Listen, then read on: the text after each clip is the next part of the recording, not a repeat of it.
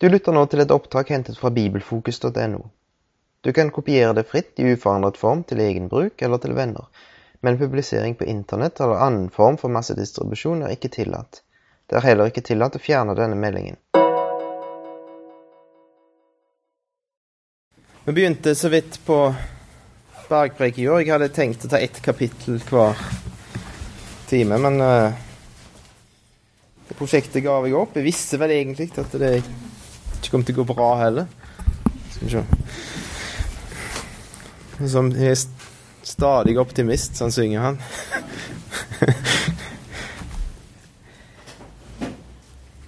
Men hva, hva handler egentlig bergpreiket om?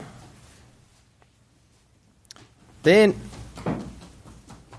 Han begynner med at eh, Jesus ser folket. Og så, når han ser folkemengden som er rundt han, så går han opp i fjellet. Han går vekk ifra folket. Og så kommer det noen til han, nemlig disiplene hans, lærlingene hans. De som gikk i lære hos han. De som hadde sagt at OK, jeg gir opp jobben min, det jeg har, det vanlige livet, for nå vil jeg lære av Jesus. Jeg vil formes av han. Jeg vil begynne å ligne på han. For en lærling, han, Målet med en lærling er at han skal jo bli like mesteren. Han skal bli like. Og så er det, som jeg sa i år, det er ett ord som går igjen i mer enn Så vet jeg kanskje mer enn noen andre, og det er Faderen, eller far. Og sønner av denne far. Og jeg tenkte på når han ville åpne med det at altså, Vi som har unger, vi gleder oss over dem. Når de er små, og når de er, ikke kan noen ting og lager mer trøbbel enn de, enn de gjør godt, på en måte, så gleder vi oss over dem. Men det er glede som er større, det når vi ser at de liksom Gleda blir større, det er ikke gleda som er større, men gleda blir enda større når de, når de vokser til. Og så ser du at det, det begynner å komme noe godt ut ifra dem. Noe som Et oppdrag som virker litt av og til. og, og, Gud, han, han, vil ha noen som gjør viljen hans. Ikke for at han tvinger dem til det. Ikke for at de bare har en, en avtale med han, en kontrakt med han, sånn som den gamle pakt. som var på en måte en avtale mellom Gud og folket. Hvis dere gjør det, så skal jeg gjøre det. Og, og så gjorde de det stort sett med ulyst, akkurat det samme som vi gjør med Norges lover som regel. Det, det er litt med ulyst vi er lydige mot dem. Vi har egentlig lyst til å kjøre litt fortere enn det som står på disse skiltene, men så heller vi oss, får jeg håpe, da, til, til, det som står likevel. Vi er litt ulyst. Men, med det som Gud ønsker, det er noen som man kan glede seg over for at de de begynte å ligne på sånn hans, på Jesus. Sånn at de gjør Guds vilje frivillig. For det er det de har lyst til. Det er blitt deres karakter, deres, deres, deres natur, deres største ønske. Og det er det det egentlig handler om. Det er det livet denne bergpreken handler om. Og Vi så litt på at det er en konge her. Altså, Matteus evangeliet handler om kongen. Det, det har vel alle hørt, regner jeg med, at Matteus evangeliet handler om kongen. Det ser du bl.a. I, helt i begynnelsen. Det er en sånn lang etterliste, et slektsregister. Og det går gjennom Josef. Og vel merkelig, Josef var jo stefar til Jesus. Som jeg sier, Det var jo ikke den skikkelige faren så det var det jo ikke.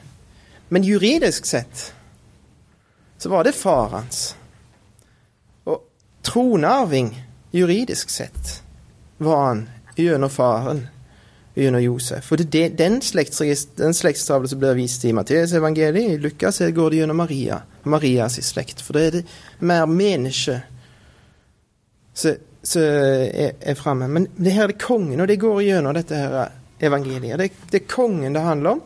Og en konge, han har regler og lover. Og det er Egentlig er det en utrolig velsignelse Bare ta naturen. Der er det lover. Der er lovmessigheter. Vi kan forvente at ting fungerer likt hver gang. At det, de kreftene som heller flyet oppe, de virker hver gang vi fyker. Og ikke annen hver gang. Eller ni av ti ganger, eller noe sånt. Da hadde vi slitt. Vi hadde ikke klart å leve hvis det ikke var de der regelmessighetene. Og det må det være i et samfunn òg. Det er lover som gjør at du, du, vet hva du har å gjøre, og du vet hva du har å forvente. Det er ikke vilkårlig. Og i Guds rike er det ikke annerledes. Det er lover som gjør at vi vet hva vi har å forholde oss til.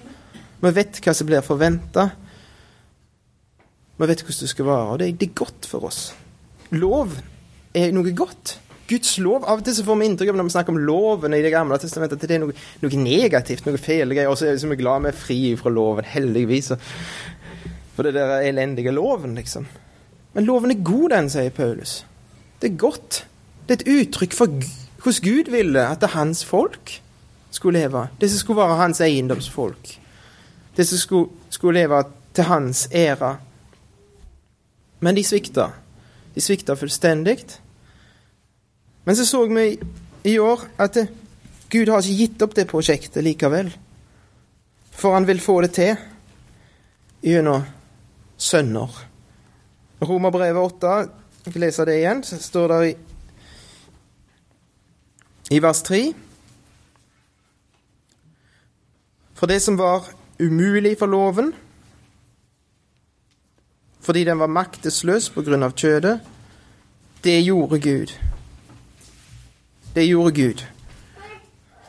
Og vers 4 For at lovens rettferdighet skulle bli oppfylt i oss, vi som ikke vandrer etter kjødet, men etter ånden.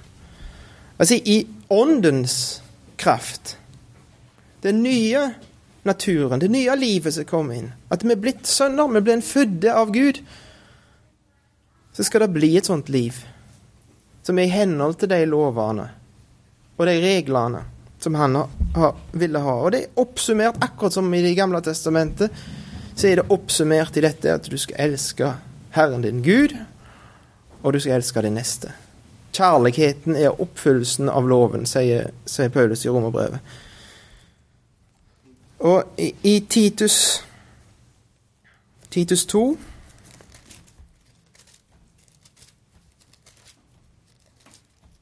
Vet ikke om dere husker i år, så Så leste vi om et eiendomsfolk. I Titus 2, vers 11, så står det det. For Guds nåde er åpenbaret til frelse for alle mennesker. Den opptukter oss, oppdrar oss, til å fornekte ugudelighet og de verdslige lyster, til å leve sedelig, altså rett eller i, henhold til det som, som sømmer seg, og rettferdig og gudfryktig i den verden som nå er, mens vi venter på det salige håp og åpenbaringen av den store Guds og vår Frelser Jesu Kristi herlighet. Altså, vi venter på et rike, vi venter på en konge som skal komme. Imens så er vi hans folk her på denne jorda. Vi er hans undersåtter. Vi hører egentlig til et rike som ligger i framtida, som ikke har sitt si tid ennå. Men vi hører til det rike. Vi er sånne målvarper, på en måte. Vi er midt inne i en verden som, som korsfester han. Og så venter vi, og så lever vi i henhold til lovene til dette nye riket. Og det er det Guds nåde som gjør, som oppdrar oss til.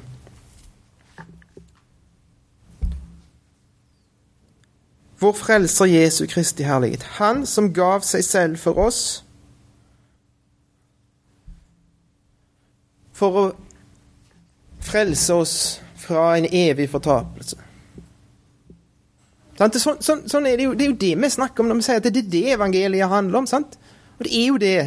Det er noe av evangeliet. At han ville berge oss ifra en evig fortapelse. Men det er ikke bare det. Han vil ikke berge oss, bare berge oss ifra en evig fortapelse. Men han gav seg sjøl for oss. For å løse oss ut fra all urettferdighet og rense for seg selv et eiendomsfolk. som med iver gjør gode gjerninger. Det er det han vil se i mitt og ditt liv. Og det er ikke bare det han vil se i mitt og ditt liv, men det er det han vil se. Jeg vil at det, verden skal se i mitt og ditt liv. Han gikk opp på fjellet i lag med disiplene, og så etter hvert så kom folkemengden etter. Til slutt så var det en stor folkemengde i lag med han der oppe på fjellet. Og så snakka han til dem om et, en by som ligger på et fjell som ikke kan skjules. De var oppe på fjellet i lag med han, de var, og så kunne de ikke skjules. Og så kom den ene etter den andre, traskende opp skråningen. Og så hørte de hva Jesus sa, og lærte av han. Så sier han at disse gjerningene som dere gjør, de skal, dere skal la lyset deres skine, sånn at de kan se gjerningene deres gjør. Og så skal de se at dette her ligner jo faktisk på De ligner på far sin, rett og slett. De ligner på far sin. Og så skal de prise far i himmelen. Og jeg tror vi skal rett og slett ta oss tid til å se litt på det han sier om Han, han kommer på en måte med noen innskjerpinger av den gamle loven. Om vi bare ble her.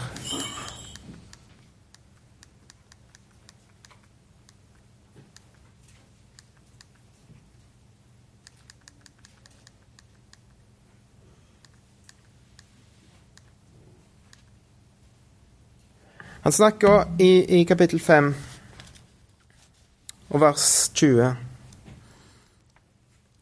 om en rettferdighet som overgår de skriftlærde og fariserene sin.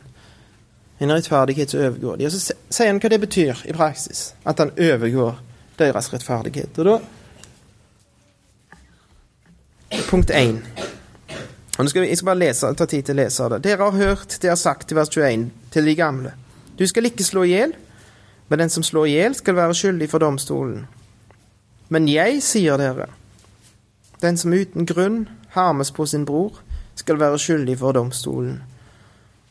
Og den som sier til sin bror, raka, som vel betyr din tosk, eller noe sånt, ditt fehove, skal være skyldig for rådet. Og den som sier du dåre, skal være skyldig til helvetes ild. Om du da bærer fram ditt offer til alteret, og, det kommer, og der kommer til å tenke på at din bror har grunn til å klage på deg,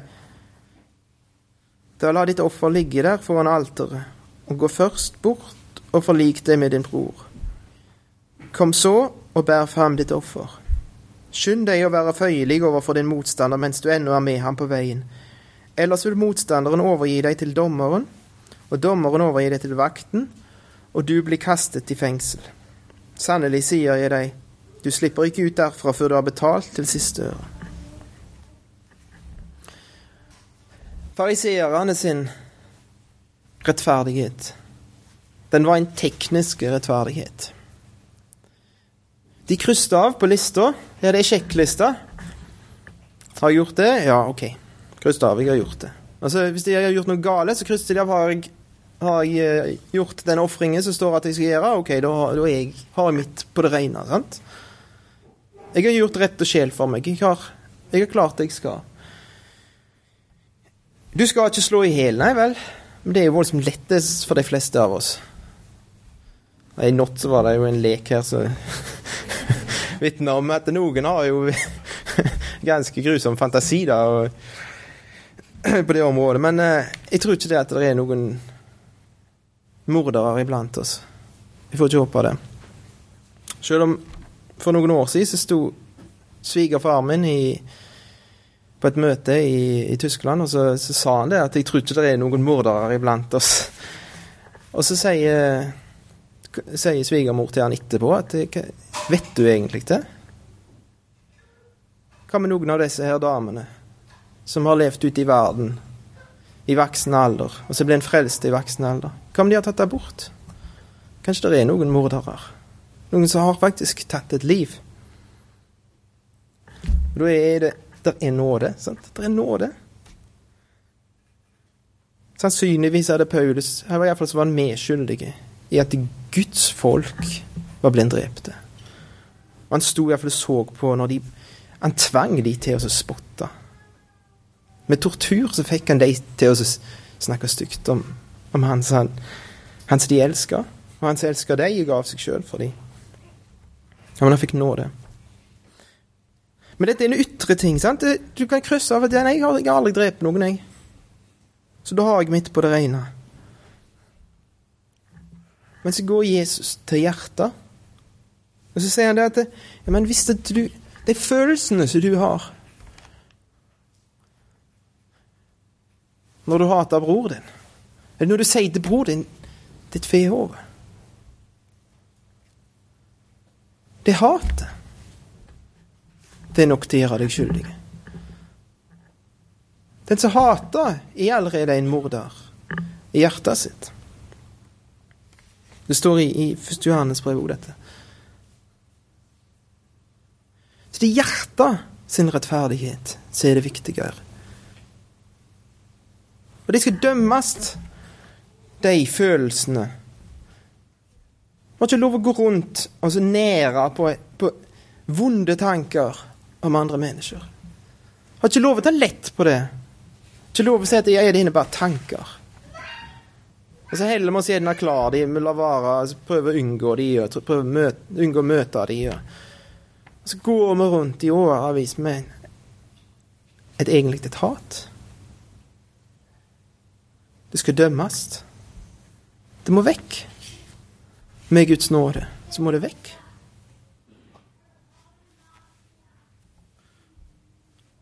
Og Gud vil at vi først skal ordne opp med bror vår. Hvordan hadde det sett ut i forsamlingene våre? Hvis at alle de der konfliktene som ligger begravde, som ligger år tilbake, som ligger der, som aldri er blitt gjort opp, aldri er blitt snakket ut om, aldri er blitt ordnet opp i Og så blir det ofra. Vi kommer i lag og synger og ber og vitner. Og så ligger der noe som ikke var gjort opp. La det ligge. Ti stilt. Ikke gå på møte.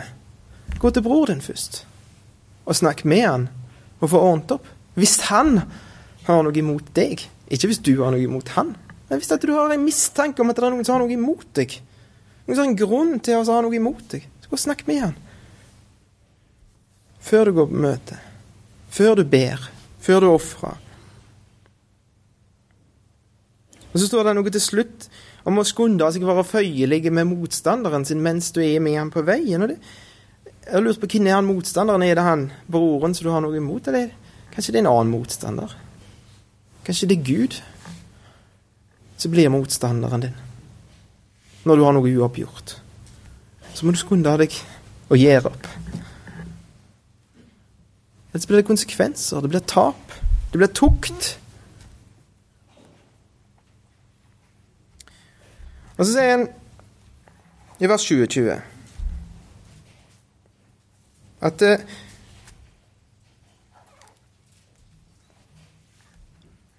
Dere har hørt det sagt. Du skal ikke bryte ekteskapet. Og Det er jo ikke sånn som folk kan krysse av på. Mange.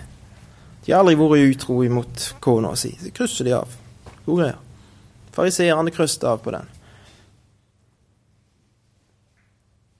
Men jeg sier dere, vær den som ser på en kvinne for å begjære henne, har allerede brutt ekteskapet med henne i sitt hjerte.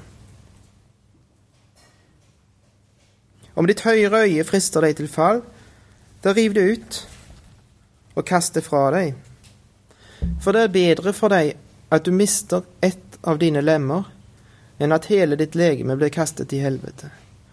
Og om din høyre hånd frister deg til fall, da hogg den av, og kast den fra deg. For det er bedre for deg å miste ett av dine lemmer enn at hele ditt legeme kommer i helvete. Igjen tankene. Synd i tankene. Det var en kollega Jeg var, var på tur med, med, jobben til Stockholm for for noen uker siden, og så var det en kollega som sa det at ja, ja, vi, men Vi ser på menyen ute mens vi eter med hjemme. Så det var lov å kikke på, på andre damer. Det var greit, det, liksom. Bare jo lot være å ete, bare da timer. Jeg har hørt kristelige folk si det samme. Jeg. Det er greit, det.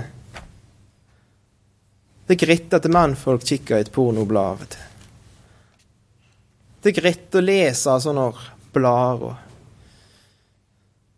som inneholder beskrivelser som vekker lyster. Det er greit å se serier på fjernsynet. Det er greit, da. Så lenge det er bare det. Det er jo bare noe du ser på. Du har allerede drevet hor i hjertet ditt. Du har allerede vært utro. Hvis du har sett med begjær på ei annen. Hva skal du gjøre da, da? For å unngå? Da er det noe som må Rett og slett noe som må vekk. Om det høyre øyet ditt frister deg, så river du ut. Det høyre øyet Altså, øyet det Altså, det er det vi minst kunne tenke oss å miste det. Er det ikke det? Utenom forstander og sånt. Men altså, av ytre kroppsdeler. Jeg har en, en kamerat i Tyskland som ble operert for uh, Han er vel 40, og så ble han operert for noe stær i begge øynene. Og så første operasjon, sier han, det var en helt farlig følelse å ligge i. førerveien. den usikkerheten. Kanskje mister jeg synet. Og det var bare det ene øyet han i så fall hadde mistet synet på. Men tenk å miste synet. Det er noe viktig. Men hvis det som er så viktig for deg, det som du ikke kan klare deg uten, egentlig, kanskje Hvis det er en fristelse for deg, så må det kanskje kuttes ut. Hvis Internett er et område der du hver eneste gang du går inn på, så blir du frista til fall, og så faller du. Så er det kanskje, selv om du ikke kan bruke nettbank, og selv om du ikke kan alt det du ikke kan gjøre, så er det kanskje best å kutte kabel. Så får du gå i banken med regningene og betale det gebyret det er for oss, å få de til å ordne det for deg. Det er noe som må kuttes ut, noe som kan være viktig. Den høyre hånda de frister deg. Den høyre hånda for de som er høyrehendte. Den frister deg, så hogner av. I Kolosserbrevet så tar Paulus opp den samme tanken.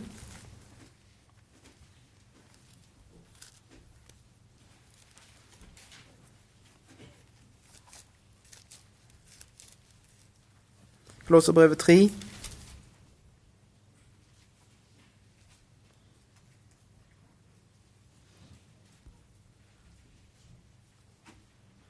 Jeg leser for hva sier. Er dere da oppreist med Kristus, så søk det som er der oppe, der Kristus sitter ved Guds høyre hånd. La deres sinn være vendt mot det som er der oppe, ikke mot det som er på jorden.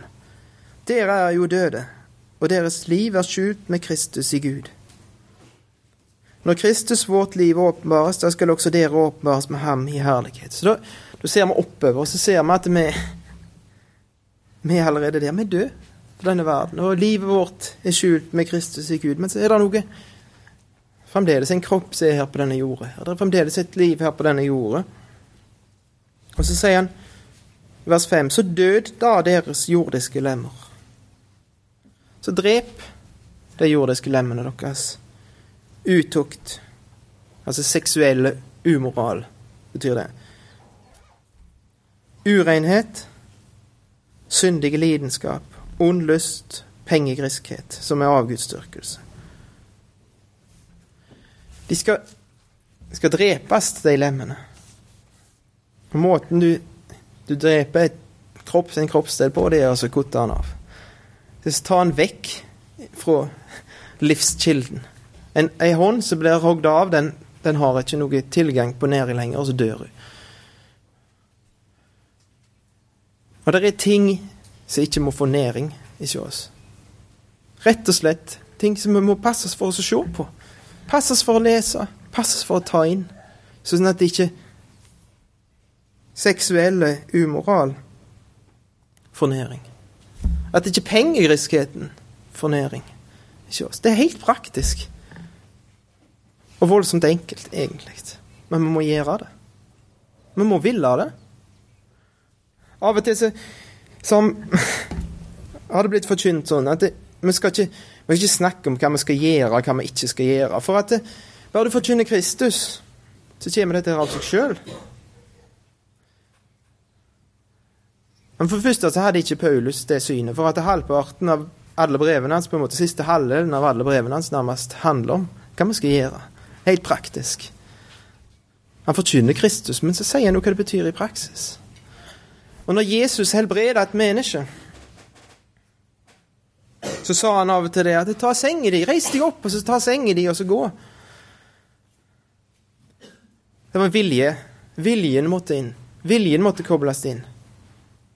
Og så styre hender og føtter. Den viljen den hadde kanskje vært der før den, men han hadde ikke noe Det var ikke noe virkning. Uansett hvor mye en lame mann vil, så ler ikke de føttene på seg. De, de lystrer ikke.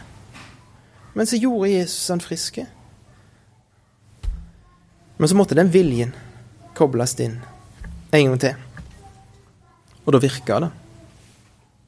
Og det er det som er, tror jeg, tanken i Romerbrevet 8. Det står at det er ånden. Det er ånden det er åndens kraft. Det er ånden som gjør oss levende. Det er det som Gud har lagt inn i oss. Men vi må ville. Vi må ta det samme skrittet. Men ikke i forventning av at jeg skal klare dette sjøl. Men at Gud vil det. Gud gir meg kraft til det. Jeg vil gjøre det. Jeg er lydig. Så sto det noe her om, om det, at det er bedre Det er bedre å å miste en av lemmene enn at det hele kroppen blir kasta i helvete.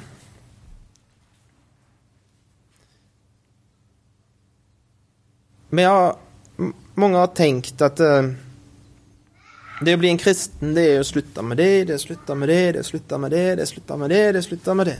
Og så har vi sagt nei da. Du trenger ikke slutte med noen ting, du må bare ta imot Jesus og dette da av alt det det andre. I Jesaja 55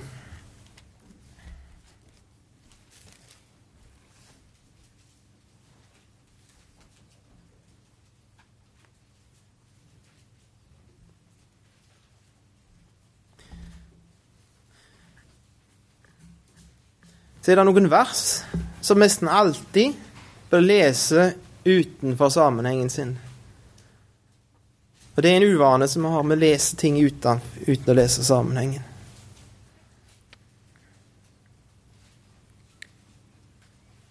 I Jesaja 55, vers 6. Søk Herren mens han er å finne. Kall på ham den stund han er nær. Det har dere vel hørt mange ganger på lese. Den ugudelige må forlate sin vei og den urettferdige sine tanker, og omvende seg til Herren, så skal han forbarme seg over ham og til vår Gud, for han vil gjerne forlate alt. Det blir ikke lest så ofte. Og så Neste vers det blir lest ofte. For mine tanker er ikke deres tanker, og deres veier er ikke mine veier, sier Herren. For som himmelen er høyere enn jorden, slik er mine veier høyere enn deres veier, og mine tanker høyere enn deres tanker. Og det blir anvendt på at vi forstår ikke alt som skjer med oss. og Det skjer så mye løye. Men Guds tanker er høyere enn våre tanker. Men det er ikke det, det, er ikke det han sier i sammenhengen. Han sier at det, den ugudelige, den som lever uten Gud, han må si ha det til sine tanker og sin vei. For det er det han har gjort helt til nå. Han har gått på sin vei, og så har han tenkt sine tanker og bestemt sjøl. Vært sin egen herre. Det skriver vi med voldsomt lite av skrift når vi forkynner evangeliet. Det står liksom med sånn stjerner, og så står det med bitte lite skrift nederst på kontrakten. At du må omvende deg. Men det er betingelsen, det. For at Gud skal tilgi alt. For at Guds nåde skal bli oss til det, så må du si OK. Ja vel, jeg slipper taket i min vei. Den veien jeg har gått til nå. Jeg er villig Det betyr ikke at du, du skal slutte med det og slutte med det, men du skal være villig. Du skal si OK, jeg slipper tak i det. Og ifra nå av så er det dine tanker som er høyere enn mine tanker. Og din vei som er høyere enn min vei, som jeg skal følge. Det er det som er å bli en kristen, og det er det som er å bli en disippel for den del. Det er en annen sine tanker som gjelder, og en annen sin vei som gjelder for meg. Og hvis det da er en sånn, en sånn et øye så sier men, Og jeg er så glad i det der øyet der. At jeg vil ikke slippe min vei og mine tanker. Så får du beholde øyet i 40, 50, 60, 70 år. Men så havner hele du, hele deg, i fortapelse. Du går tapt. Du går tapt. Så hvis det er noen her som har noe sårt, så heller de igjen. De har ikke sagt ja. Så slipp taket. Og Så skal du oppleve at den veien er en god vei, og Guds tanker er gode tanker. Og det har han vist. Det er bare til å lese.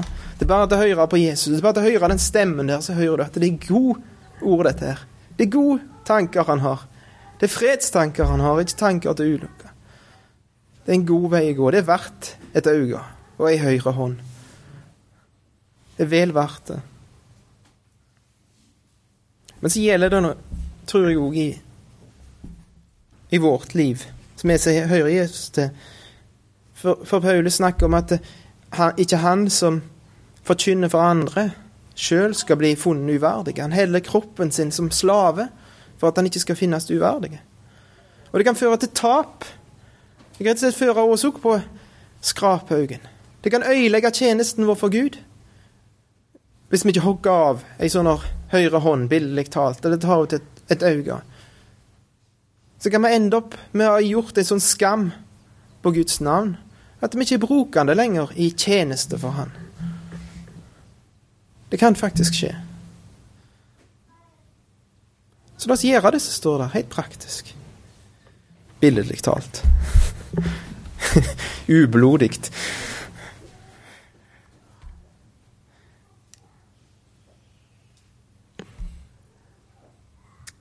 forhold til ekteskapet. For det er jo litt sånn omstridte greier. Jeg skal ikke prøve å konkludere om det der greiene der, men det er sagt den som skiller seg fra sin hustru, skal gi henne skilsmissebrev. Men jeg sier dere, hver den som skiller seg fra sin hustru av noen annen grunn enn hor, er årsak til at hun bryter ekteskapet. Og den som gifter seg med en fraskilt kvinne, bryter ekteskapet.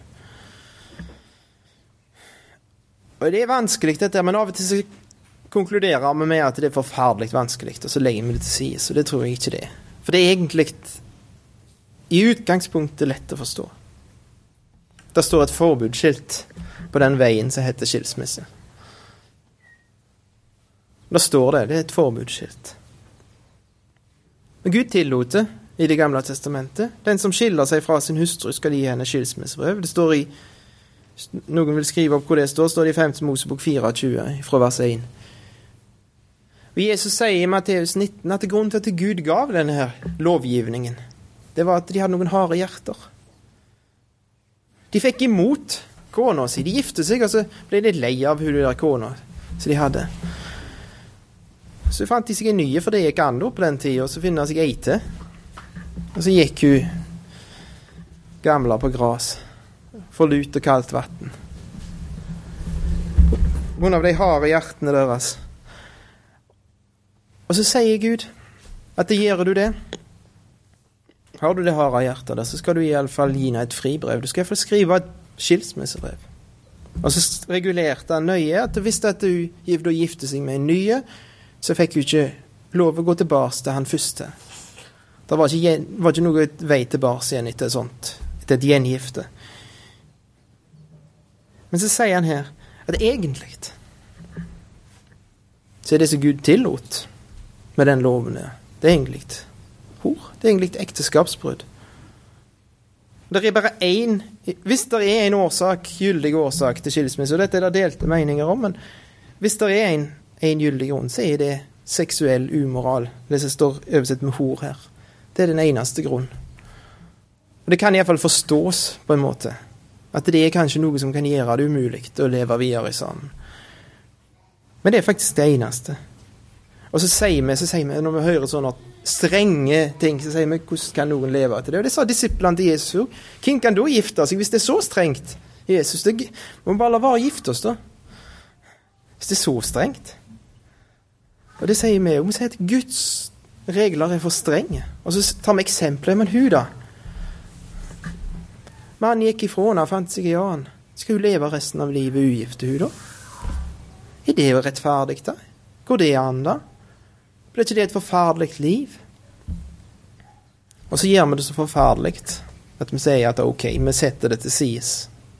Vi setter til sides det som Gud har sagt, for det er så forferdelig. Det er mange som må klare seg uten seksualitet, f.eks. Eller ei som de er glad i. eller en som de er glad i, som de kan dele livet med. Det er noen som ikke blir gifte. Noen som opplever at eh, ektefellen i unge alder blir invalide, får Alzheimer, mister hele det fellesskapet. De må leve uten. De må leve uten. Gud forventer det av dem òg. Og egentlig så kommer dette her tilbake til utgangspunktet. Til Edens hage, til løgnens far, som sa det, at Gud er den store gledesdreperen. Og Det har jeg sagt før til noen av dere, men jeg sier det igjen, for det er så Det er så sentralt. Gud er den store gledesdreperen. Det er det han sier. Gud har dette er Se det der treet der, se hvor fint det er. Se det der frukten, hvor godt det er, hvor fantastisk det er. Eva. Et den av det.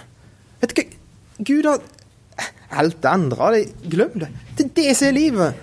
Og så har Gud sagt at det er forbudt. Gud er en stor gledesdreper. Og så tror, trodde de i løgnen, og så tror vi løgnen. Hver eneste gang vi synder, så tror vi den løgnen. At det, er, det som Gud har sagt at det er forbudt, det er egentlig godt for meg. Iallfall her og nå. Så er det godt for meg. Derfor gjør jeg det. Men det er ikke sant, det. Disse, Gud vil det er det som er godt for meg. Alltid. Det er ikke sikkert det er det som føles best. Det er ikke sikkert det som gir, gir det best på kort sikt. Men alltid, til slutt, så er det det som er godt for meg. Og hvis Gud har sagt dette her, så er det det som er best. Og den som velger det, den som har øyre Og det er det Jesus sier når disiplene sier det, at, at ingen kan gifte seg hvis det er på denne måten, så sier, så sier Jesus til dette den som har øyre han hører. Hør etter. Den som har fått ørene åpna for disse gudene å si. Den som er en lærling ikke Jesus. Den som hører på han. Hør på dette. Det er godt. Det er det beste. Så dere som ikke er gifte ennå, når dere går inn i ekteskapet, så ikke tenk at det er en nødutgang. Tilfelle det skulle skje. Så jeg sier det er en nødutgang. Det er veien til ulykke. Og ikke tenk det mens som er gifte. Ikke tenk den tanken engang. For det er første skritt på veien til ulykke. Og så snakker han om sannhet. Kors på halsen og ti kniver i hjertet, sier ungene. De sverger. De, altså de får, det er liksom Det er én ting som du sier. Du sier at det, noe er sant. Det er liksom Da er det ikke helt sikkert at det er sant, men hvis du sier 'kors på halsen, ti kniver i hjertet', da er det sant.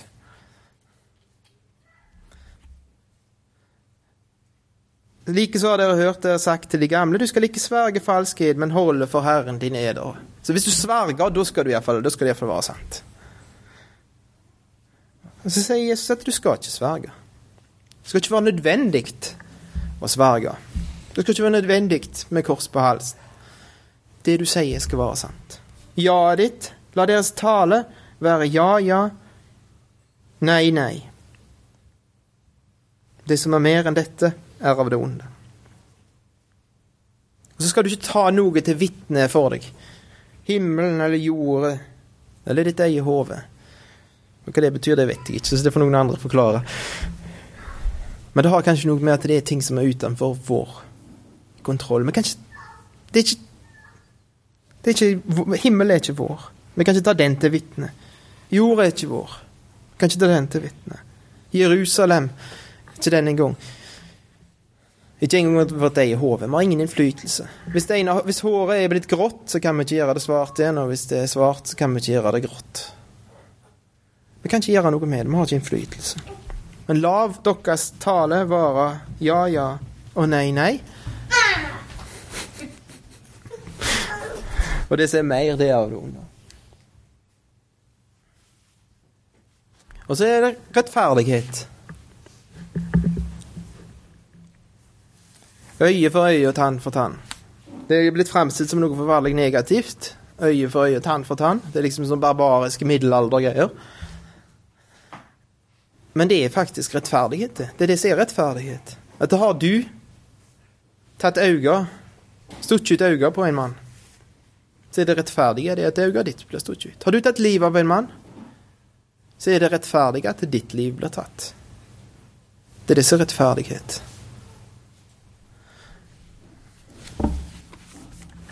Og det er det som er statens oppgave. Det er det som er myndighetenes oppgave. Ifra Gud sa dette her til Noah i, i første Mosebok 9, så har det vært myndighetenes oppgave å sørge for den rettferdigheten. Sørge for at rettferdigheten skjer fyllest. Det skjer ikke i dag, og det er mange som lir under det. De opplever ikke rettferdighet. De opplever at forbryteren blir behandla som en syke som trenger behandling. Men rettferdigheten er prioritert. Dette de får oppleve rettferdighet, er prioritert. Men hvordan skal du forholde deg? Myndigheten er én ting. Hvordan skal du forholde deg? Hvis noen slår deg på det høyre kinnet, hva skal du gjøre da? Skal du si jo, rettferdigheten skal ikke fylles, jeg slår tilbake? At jeg skal få igjen med samme mynt. Det er jo som, sånn er vi av naturen. sant? Men når det gjelder meg sjøl, når det gjelder meg, så skal jeg snu det andre kinnet til. Det er den rettferdigheten han vil ha. En rettferdighets som søker rettferdighet for de andre, men ikke nødvendigvis for seg sjøl. Vil noen føre sak mot deg for å ta kappen? OK, så la han få kappen. Men la han få ytterpålegg òg i tillegg. Om noen tvinger deg til å fylle en én mil, ok, så gå to med han, da. Gi til den som ber deg, og vend deg ikke vekk fra den som vil låne av deg. For det første, det gjelder meg. Hvis du ser noen som holder på å rane ei gammel dame borti veien, så skal du ikke være pasifist, altså. Du skal gå bort og bruke om nødvendig vold, hvis du har muligheten til det, iallfall. Til å berge hun gamle dama. Hvis noen slår noen andre mens du ser på, så skal du ikke si å se på. Jeg praktiserer berg bergpreike, liksom. Jeg tror jeg tenkte feil når jeg nekta militæret på dette grunnlaget her. For vi har en For det første så har myndighetene en rett til å forsvare, og vi har en plikt. Vi kan ikke se på at noen andre blir utsatt for vondt. Men oss sjøl. Da skal vi se på. Men vi skal ikke være dumsnille. Det står ikke hvis noen vil tvinge deg til å fylle han én mil, så skal du gå 15 med han. Eller gå resten av livet med han. Det står to. Sant? Og hvis noen vil ta kappen din, så la han få alt du har, få hele garderoben din, liksom. Står ikke det.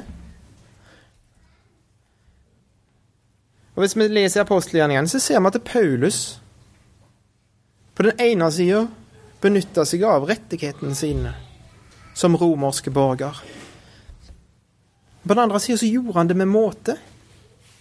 Han gjorde det med tilbakehold. I det ene tilfellet, det er to tilfeller så vidt jeg husker, der han, ble, der han bruker den romerske borgerretten sin. Den ene gangen så tillot han faktisk at han ble hudstråken og ble satt i fengsel urettferdig. Før han nevnte borgerretten sin.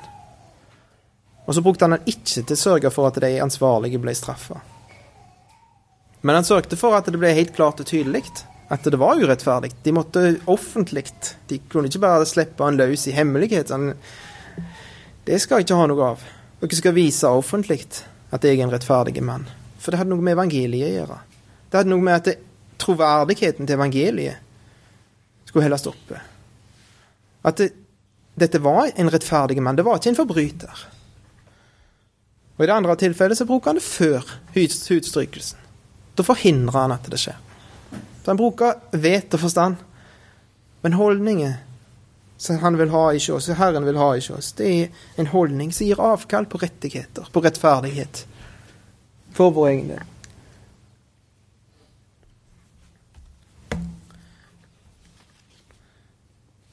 Det første, første han snakket om, det var brødre, broder, kjærlighet. Forholdet til, til bror. Men her er det snakk om det motsatte av en bror. Det er snakk om en fiende. Dere har hørt det sagt, du skal elske nesten din og hate fienden din. Og det er jo sånn, sant? Kryss av. Jeg er glad i de mine nærmeste. Det er det neste betyr. sant? Det er mine nærmeste, det. Og de fleste de er glad i sine nærmeste, så det er gode greier. Og så skal du hate fienden. Det vet ikke jeg at det står i, i Det gamle testamentet, men det var noe, sikkert noe som de skriftlærde, Talmud eller hva det var, hadde lagt til som konklusjon. Ok, du skal elske, du skal elske nesten din. Ja vel, da er det noen du ikke skal elske, da. Hadde jeg tenkt. Skal hate fiendene, da. Men jeg sier dere, elsk fiendene deres. Velsign de som forbanner dere. Gjør vel imot de som hater dere, og be for de som forfølger dere. Det står mange ganger i Bibelen 'elsk'. Kjærlighet er Moderne kjærlighet er følelser. Sant? Det er den der god, varme følelsen. Forelskelsen. Den herre 'Å, oh, jeg er så glad' i en eller annen. Hvordan kan du kommandere noen til å elske, til å ha gode følelser for noen? Ha gode følelser for fiendene deres. Ha de varme, gode, gode følelsen for, for fiendene. Det er jo ikke det det er. Kjærlighet er praksis, det. Gud elska så at han gav. Elsk fienden deres. Det betyr handle i kjærlighet imot fienden din, mot han som hater deg. Han som ikke er glad i deg, han som vil deg vondt, han som vil det verste imot deg. Vær god imot han. Snakk vel om de som forbanner dere. De som snakker stygt om dere. Så ønsker dere det verste, ønsker de det beste. Gjør vel imot de som hater dere, og be for de som forfølger dere. Minner dette dere om noen? Meg minner det om en som hang på korset. Og så sa far, tilgi de. Han ønsket de det beste. De som ville han det verste. Og det gjorde han med meg òg. Og med deg. For han ligna på far sin. Han ligna på far sin som elsker på den måten. Og så sier han det at dere mine disipler Be for dem som forfølger dere, for, vers 45, for at dere kan være barn av deres far i himmelen. Ikke for at dere kan bli barn av deres far i himmelen, på den måten at du skal gjøre dette for å bli, men for at du skal være en som ligner på han. Du ser hvem som er faren. Du ser han oppfører seg likt faren. Hvis vi gjør dette, så ligner vi på han. For han lar sola gå opp over god, onde og gode. De har ikke alltid gjort. I, i, I Gosen så var det lys i Egypt. Når det kom et mørke over hele landet, men i Gosen, der som Israels folk der var det lyst. Så han kunne jo gjort det i dag òg. Han kunne sørget for at det var lyst og fint. altså Alle troende hadde det lyst og fint og godt og sol hele dagen, og så regna det noen meter lenger borte. Kunne gjort det. Han kunne distribuert gavene på den måten. Han kunne tatt vekk gavene innenfor de som misbruker dem. Han kunne sagt at du misbruker bare seksualiteten din. Jeg tar den ifra deg. Du misbruker bare denne vinen. Jeg tar den ifra deg. Gud er ikke sånn. Jesus lagde vin i et bryllup der de hadde, mange hadde fått nok allerede. Han visste at de kom til å misbruke det, noen av dem. Men han gav. Gud er sånn, han. At selv om det blir misbrukt, så gir han likevel. Både sol og regen. Men så må de ta ansvaret for det. Og det er det vi òg skal gjøre. Samme måten. Vi får gi kjærlighet til den som vil oss vondt. Gjøre godt imot de som gjør vondt imot oss, hvis det er noen. Og så får de ta ansvaret sjøl. Så skal Gud ta seg av det. Gud skal ta seg av det. Men så står det noe i Romerbrevet om at dette her, det å gjøre sånt, det er som å sanke gloende kål på hodet til folk. Det høres ikke behagelig ut, spør du meg. Altså. Det høres vondt ut.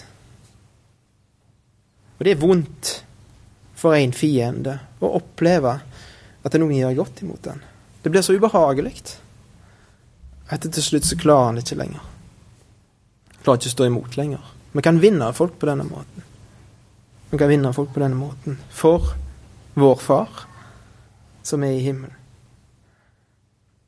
Om dere nå elsker dem som elsker dere, hva lønn har dere da? Gjør ikke også tollerne det samme? Om dere hilser bare på deres brødre, hva stort gjør dere da? Gjør ikke også tollerne det samme? Vær da fullkomne, like som deres himmelske Far er fullkommen. Dette er helt praktiske ting.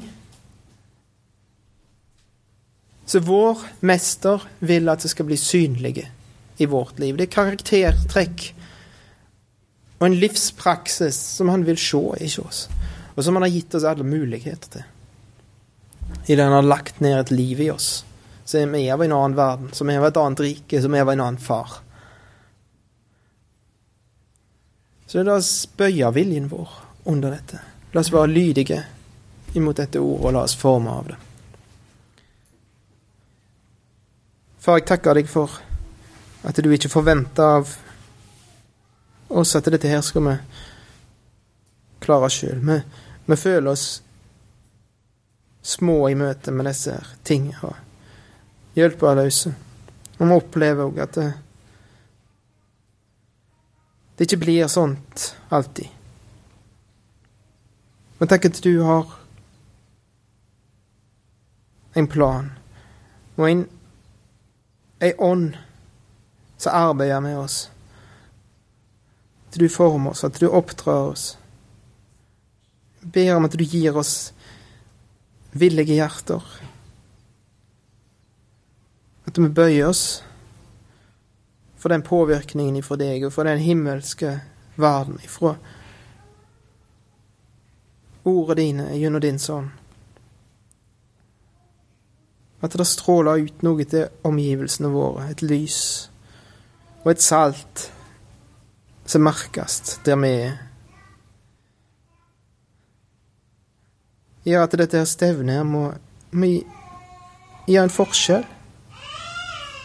i det nåde. At det, at det blir en liten forskjell på livet vårt før og etter. Til neste år, hvis vi får samles, så vi kan se tilbake og se at det, at det virker. Amen.